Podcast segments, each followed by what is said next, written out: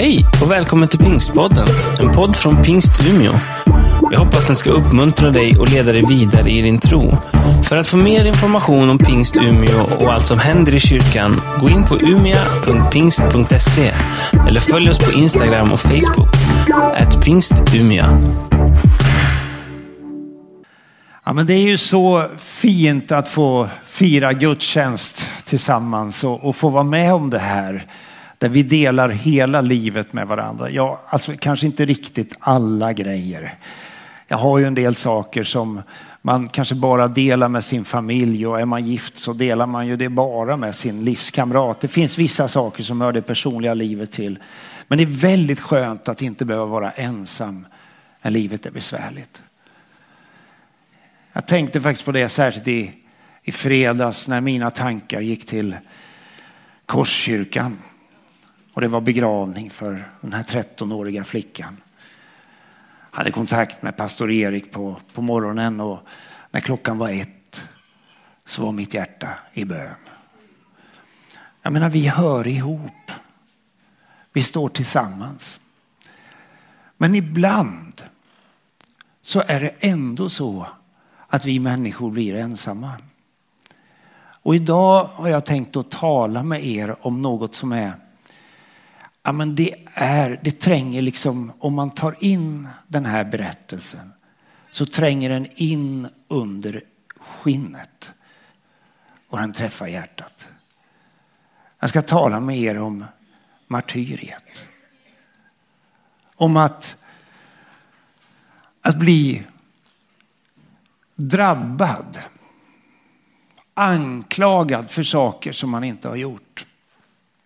Att bli dömd utan att ha något blod på sina egna händer.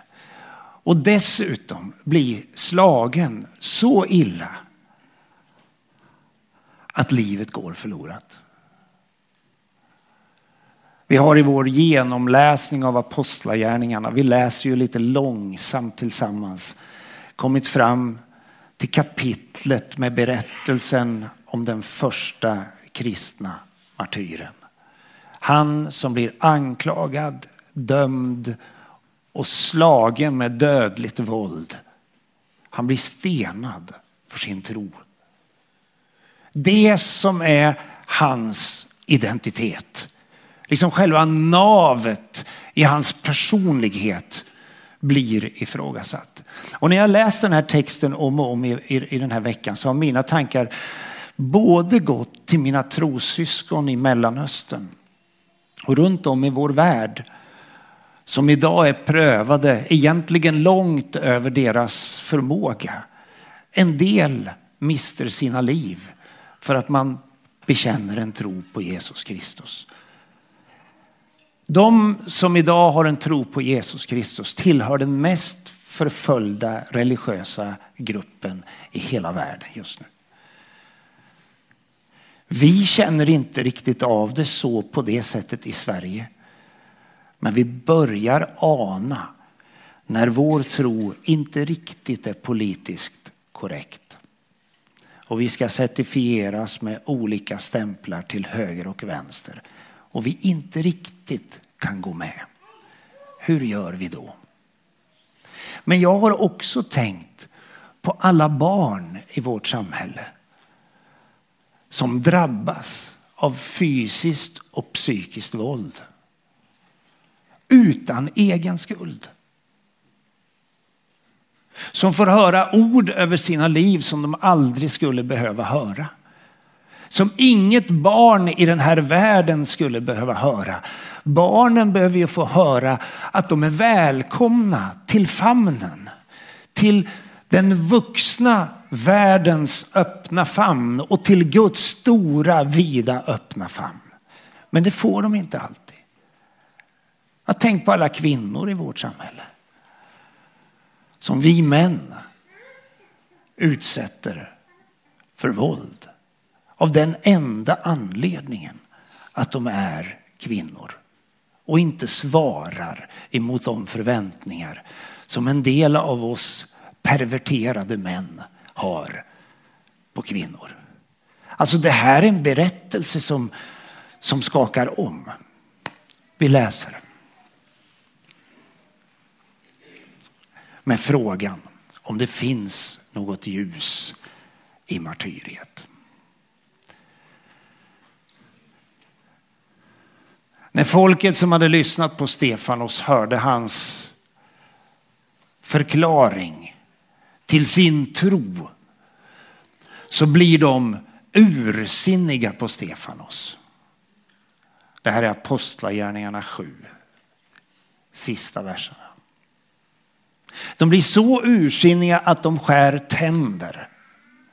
Men Stefanos, och det här är ju den, det är ljuset i berättelsen. Han är inte fylld av deras hat utan av en annan ande.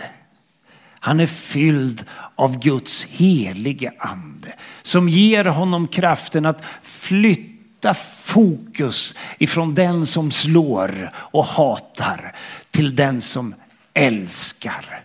Han lyfter blicken emot himlen och så ser han Guds härlighet och Jesus som i det här sammanhanget i Nya Testamentet efter sin himmelsfärd beskrivs så som en person som faktiskt står på Guds högra sida. Han sitter inte likgiltigt kvar på sin tron och tänker det var ju synd. Utan han reser sig upp i egen hög person. När, när, när Stefanos ser det här så säger han, alltså han ser, så bekänner han det han tror. Jag ser himlen öppen och människosonen står på Guds högra sida.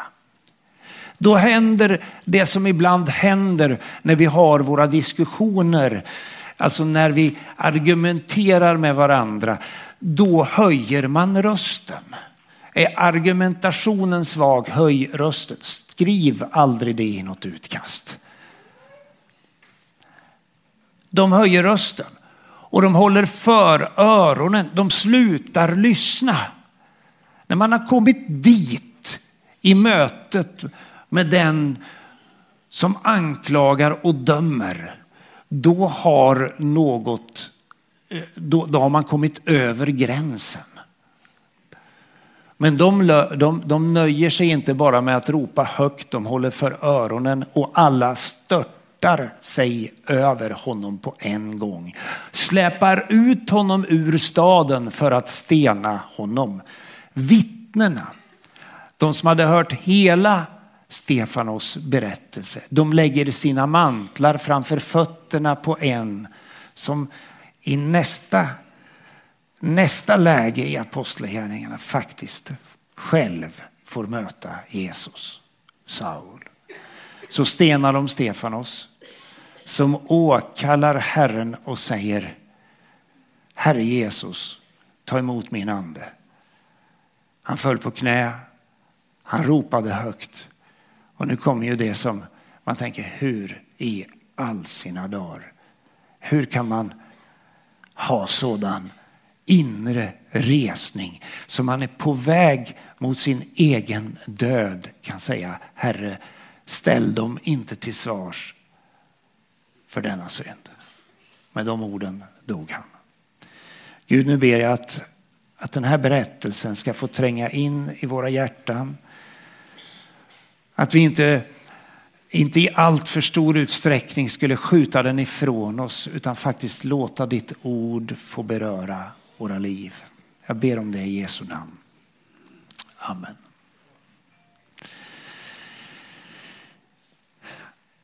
Det började ju inte med att man stenade Stefanos.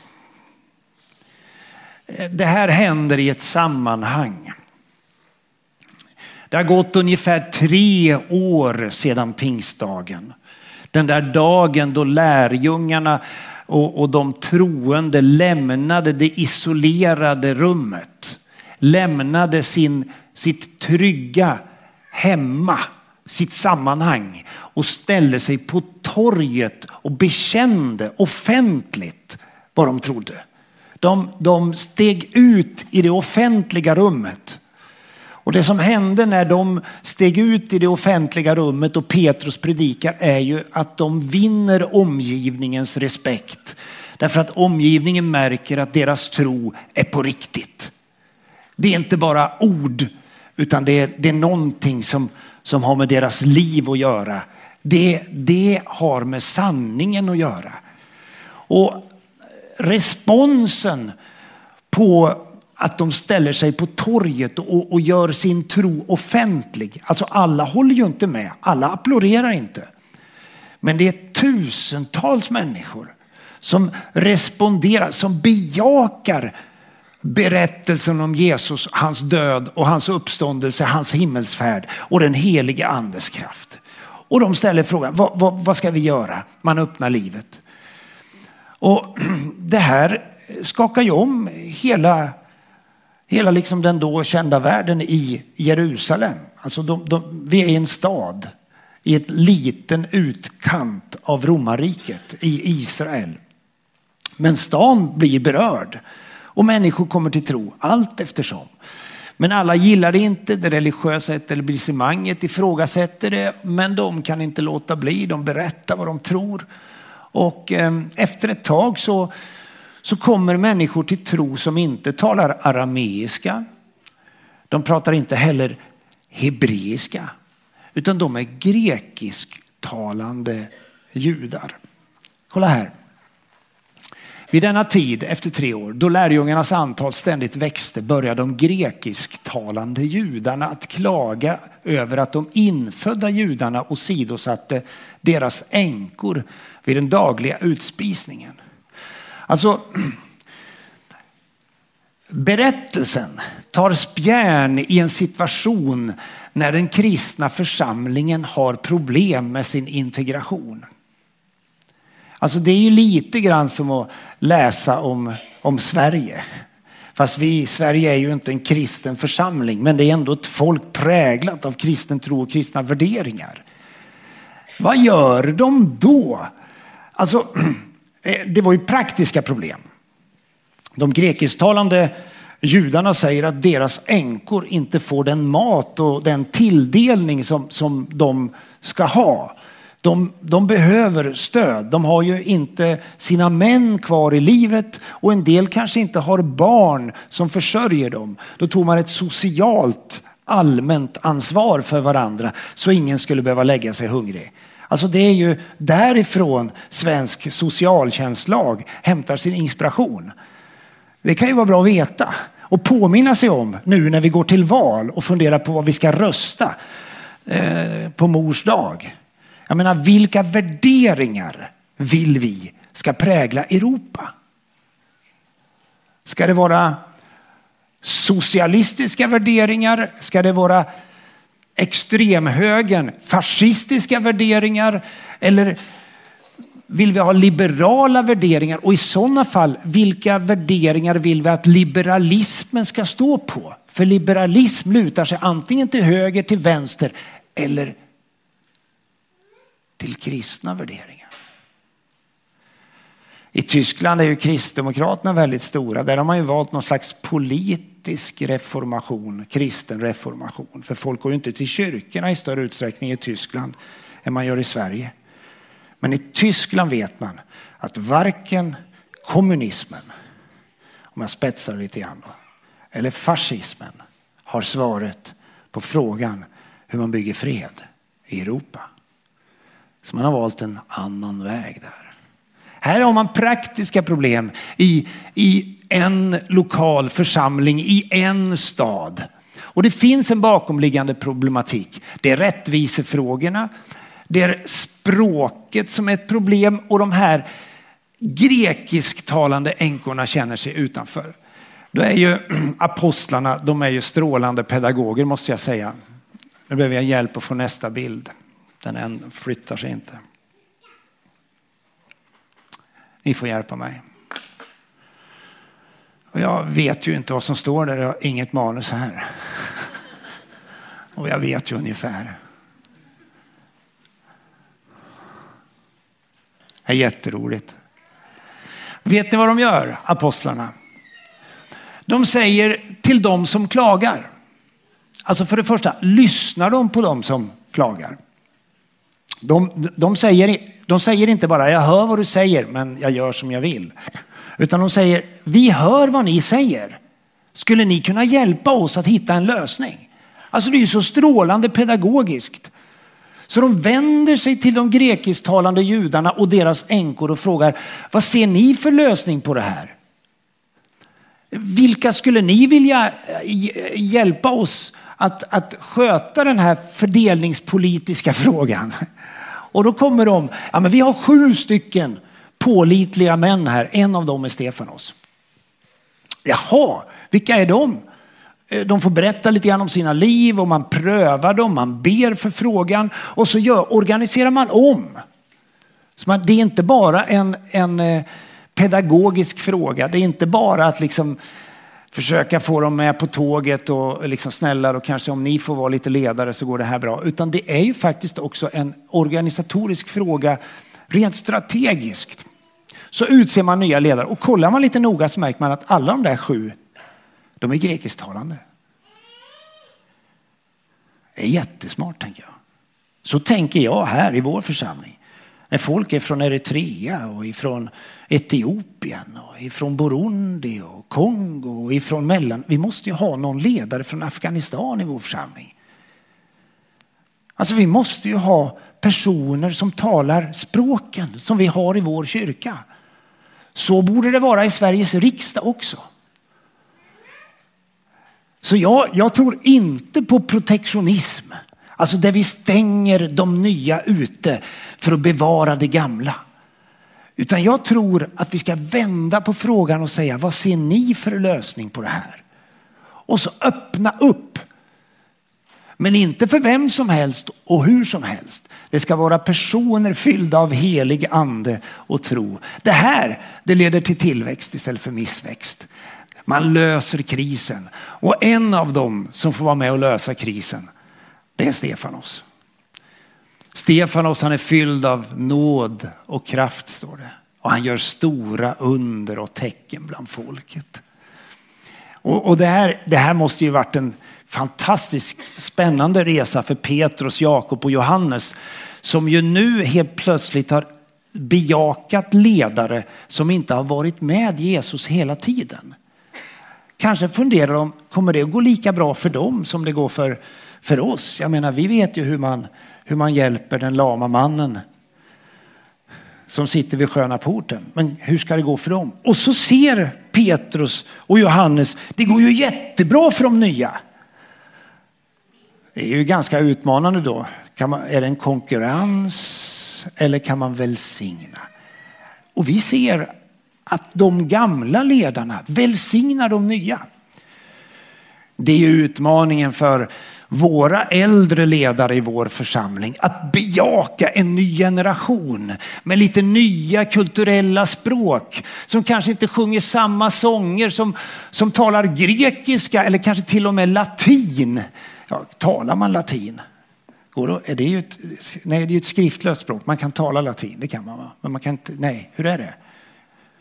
Ja, vi glömmer det. Det är säkert någon som kan hjälpa mig med det där efteråt. Det som händer är ju då att de nya tar evangeliet ut i en ny värld.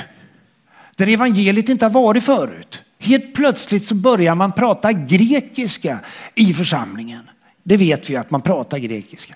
Och, och, och man kan ta evangeliet in i den världen också. Det här gör ju de, de, de religiösa i den gamla kulturen väldigt oroliga och de eh, börjar disputera. Känner ni igen ordet? Det är någon som är på gång och ska disputera här säkert. De börjar disputera med Stefanos men de kan inte hävda sig mot visdomen och anden i det han säger. Alltså jag gillar ju det, kristna ledare som är, som är övertygade, som är passionerade men som samtidigt är reflekterade och vet varför de tror det de tror. Jag tänker, Stefanos är ju ett exempel på en person som inte skäms för den han är. Alltså var Stefanos eh, felfri? Det säger inte texten. Visste han allting? Nej, det säger inte texten. Men texten, berättelsen säger oss att Stefanos skämdes inte för sin identitet som han hade i Jesus Kristus. Han var historiskt förankrad, han var reflekterad och han var utmanande. Och, och, det är klart att på slutet kan man nog säga att han var lite provocerande också. För han, han berättar ju berättelsen ifrån Israels historia som den omkringliggande kulturen förstår. Och så säger han att det vi ser när vi läser den här berättelsen, det är att ni aldrig har lyssnat på profeterna. Och nu uppträder en profet, han hette Jesus Kristus, honom korsfäster ni. Men han har uppstått från de döda och han ska komma tillbaka från himlen och döma levande och döda. Alltså de blir så provocerade. Man kan ju undra, är det där rätt taktik? Det, jag vet ju inte alltid om det är, är, är så smart att göra så där. Men i det här sammanhanget så gör inte Stefanos det här för sin egen skull. Stefanos förstod att om inte jag tar den här fighten, då kommer de som följer mig, alltså mina får, mina barn, kommer jag att lämna åt vargarna där ute. Jag tar fighten. Så skapar jag en yta, ett område inom vilket trons folk kan röra sig. De reagerar ju väldigt starkt när de har lyssnat till Stefanos. De ropar, de håller för öronen och de störtar sig över honom. Alltså de slutar lyssna. Jesus han säger man ska inte kasta pärlor för, för svinen. Alltså när man märker att någon inte lyssnar då är det liksom ingen mening att fortsätta. Det, är, det är liksom en... Ja, ibland när jag nu ska jag berätta en historia bara för att någon som håller på att somna ska vakna. Ehm, Nej, men min, eh, min religionslärare han sa till mig så här när, jag skulle, när vi för läste den där texten då, då sa han, ja, men det, där, det är ungefär som att bjuda en gris på tårta. Jaha, sa vi, liksom. vad menar du med det? Ja men alltså en gris värderar inte tårta, förstår inte liksom vilken omsorg det ligger i att bjuda på tårta. Så du ska inte bjuda grisar på tårta. Ja, vad betyder det då?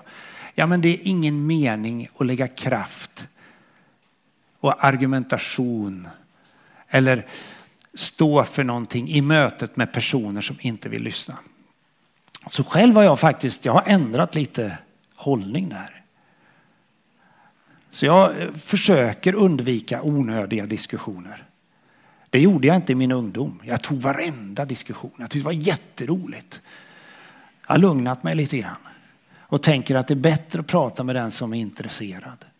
De här de slutar lyssna. De höjer rösten.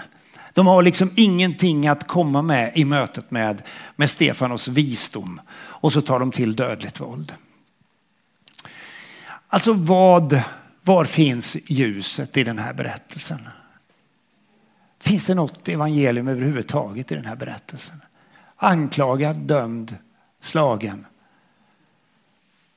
för sin tro. Har du mött någon? Har du suttit i ett sådant samtal? vad, vad säger man? Ja, tittar vi i den här berättelsen så kan vi, så kan vi i alla fall konstatera en, att Bibeln beskriver verkligheten som verkligheten är. Alltså, ibland tänker jag att vi i Sverige när vi ska försöka förklara evangeliet, vi, vi skönmålar det. Som om allting ordnar sig när man tar emot Jesus Kristus som sin frälsare. Det kan bli precis tvärtom. Jag ser eh, Mats Edin som är föreståndare för LP-verksamheten här. Eh, du kan säkert eh, bekräfta det. Jag vet inte, du får vi se efteråt på kyrkkaffet. Men jag har ju mött många som, som kommer med en missbruksbakgrund. Och så berättar man när man har kommit till tro att livet blev svårare i en bemärkelse efter det att man kom till tro. För man upptäckte ju att nu kan jag inte fortsätta att ljuga. Och när jag stjäl får jag dåligt samvete. Och när jag tar mitt återfall så mår jag tusen gånger sämre än jag gjorde förut när jag inte var frälst. Vad är det för fel? Jo, men våra samveten renas ju. Helt plötsligt blir man samvets öm. Så det händer någonting med oss. Så det är inte alltid att livet blir lättare och bättre för att man tar emot Jesus Kristus. Vi kan ju fråga våra grabbar, våra ensamkommande grabbar från Afghanistan om det blir bättre. Ja, det har kanske blivit bättre i Sverige, men den ovisshet man lever med nu och en och annan av dem som nu har fått återvända och en del av dem som har återvänt som redan har förlorat livet för att man hade en tro på Jesus när man kom tillbaka. Blev livet bättre? Det är inte alltid så. Bibeln berättar det här. Bibeln är uppriktig med oss och säger att, att viktigare än att ha det bra är att leva i sanning och uppriktighet. Viktigare än att njuta är att ha livets mening. Den som vinner på slutet är inte den som har mest pengar och som har njutit mest, utan det är den som kan säga uppriktigt i sitt hjärta på väg in i evigheten. Jag levde ett meningsfullt liv. Det andra som jag tycker är ett evangelium i den här berättelsen. Det är att se att vi, är, vi när vi blir utsatta inte är de enda i hela världen som är med om det här. Det här har hänt genom hela historien. Det hände inte bara för Stefanos. För det som hände Stefanos, det hände för han som blev korsfäst i mitten mellan den som förnekade sina synder och den som bekände sina synder. De där två rövarna ni vet som vi brukar prata om på korset. Han som höll ut i hårdhet och, och, och skymfade Jesus. För honom gick det ju illa. Bibeln berättar egentligen ingenting om vad som händer med honom. Men vi förstår att han går förlorad. Den andre, han hänger ju där för sina egna synders skull. Det har vi varit med om. Jag har, jag har blivit dömd med rätta. Och tänkte väl när det blixtrade här om veckan att nu blir jag dömd igen med rätta. Men det har inte kommit något brev än faktiskt. Så att jag vet väl inte hur det går. Jag kanske ville ha ett kort bara på mig.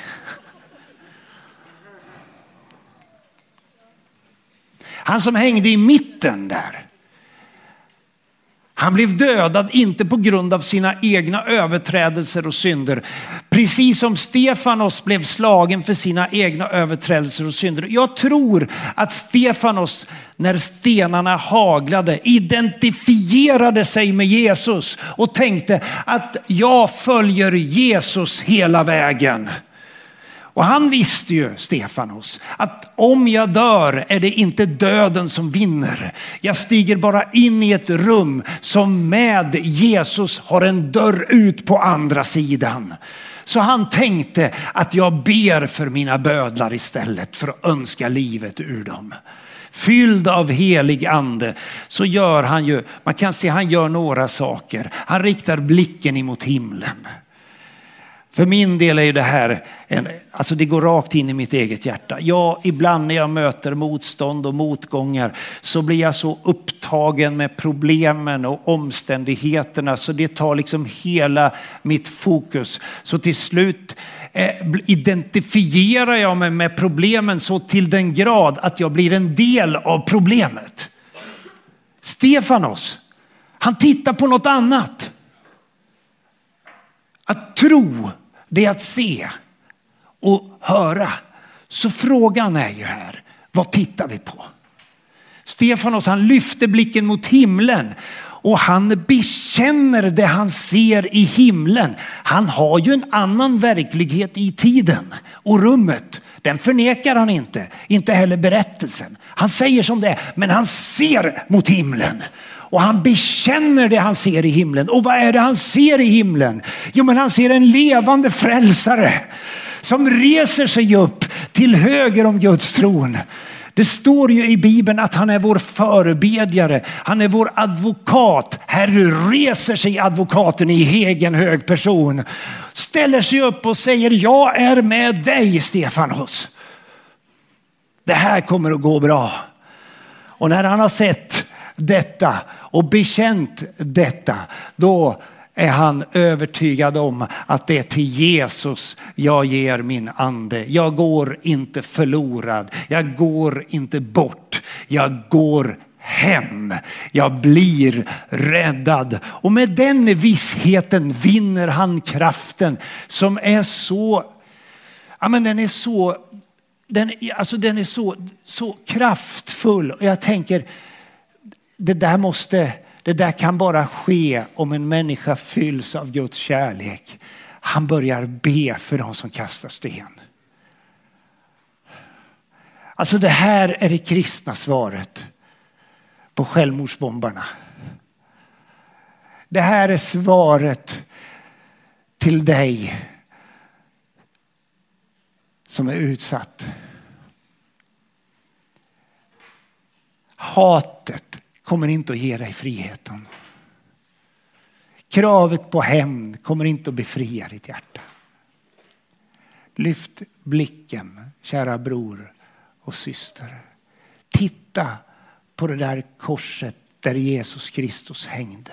Identifiera dig med honom. Varje slag han får är ett slag på dig. Men gör det med förvissningen om att följer du honom i en död som hans ska du också uppstå tillsammans med, med honom i en uppståndelse som hans.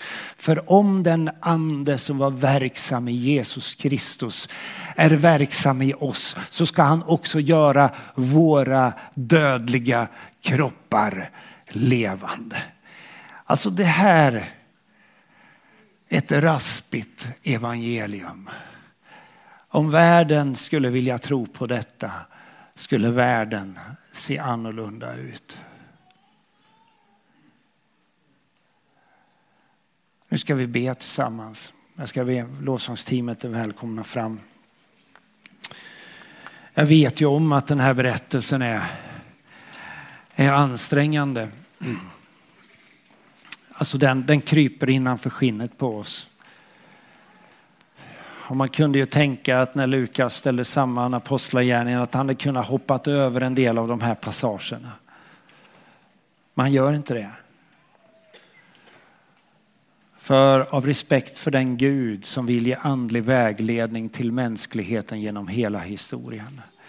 När vi nu ber så skulle jag särskilt vilja be med dig som är drabbad. Som är anklagad, dömd och utsatt. Jag tänker inte be om någon handuppräckning. Utan jag tänker bara att jag ska be Herre Jesus Kristus förbarma dig. Jag ska be att han läker ditt hjärta. Att han gör någonting, att han påbörjar ett helande i ditt liv. Men sen vill jag också ta nästa steg och be om befrielse. När vi, sen har, när vi har bett den bönen, då vill jag inbjuda dig som inte har tagit emot Jesus Kristus som din egen frälsare, att öppna ditt hjärta och göra det här. Vi ber tillsammans.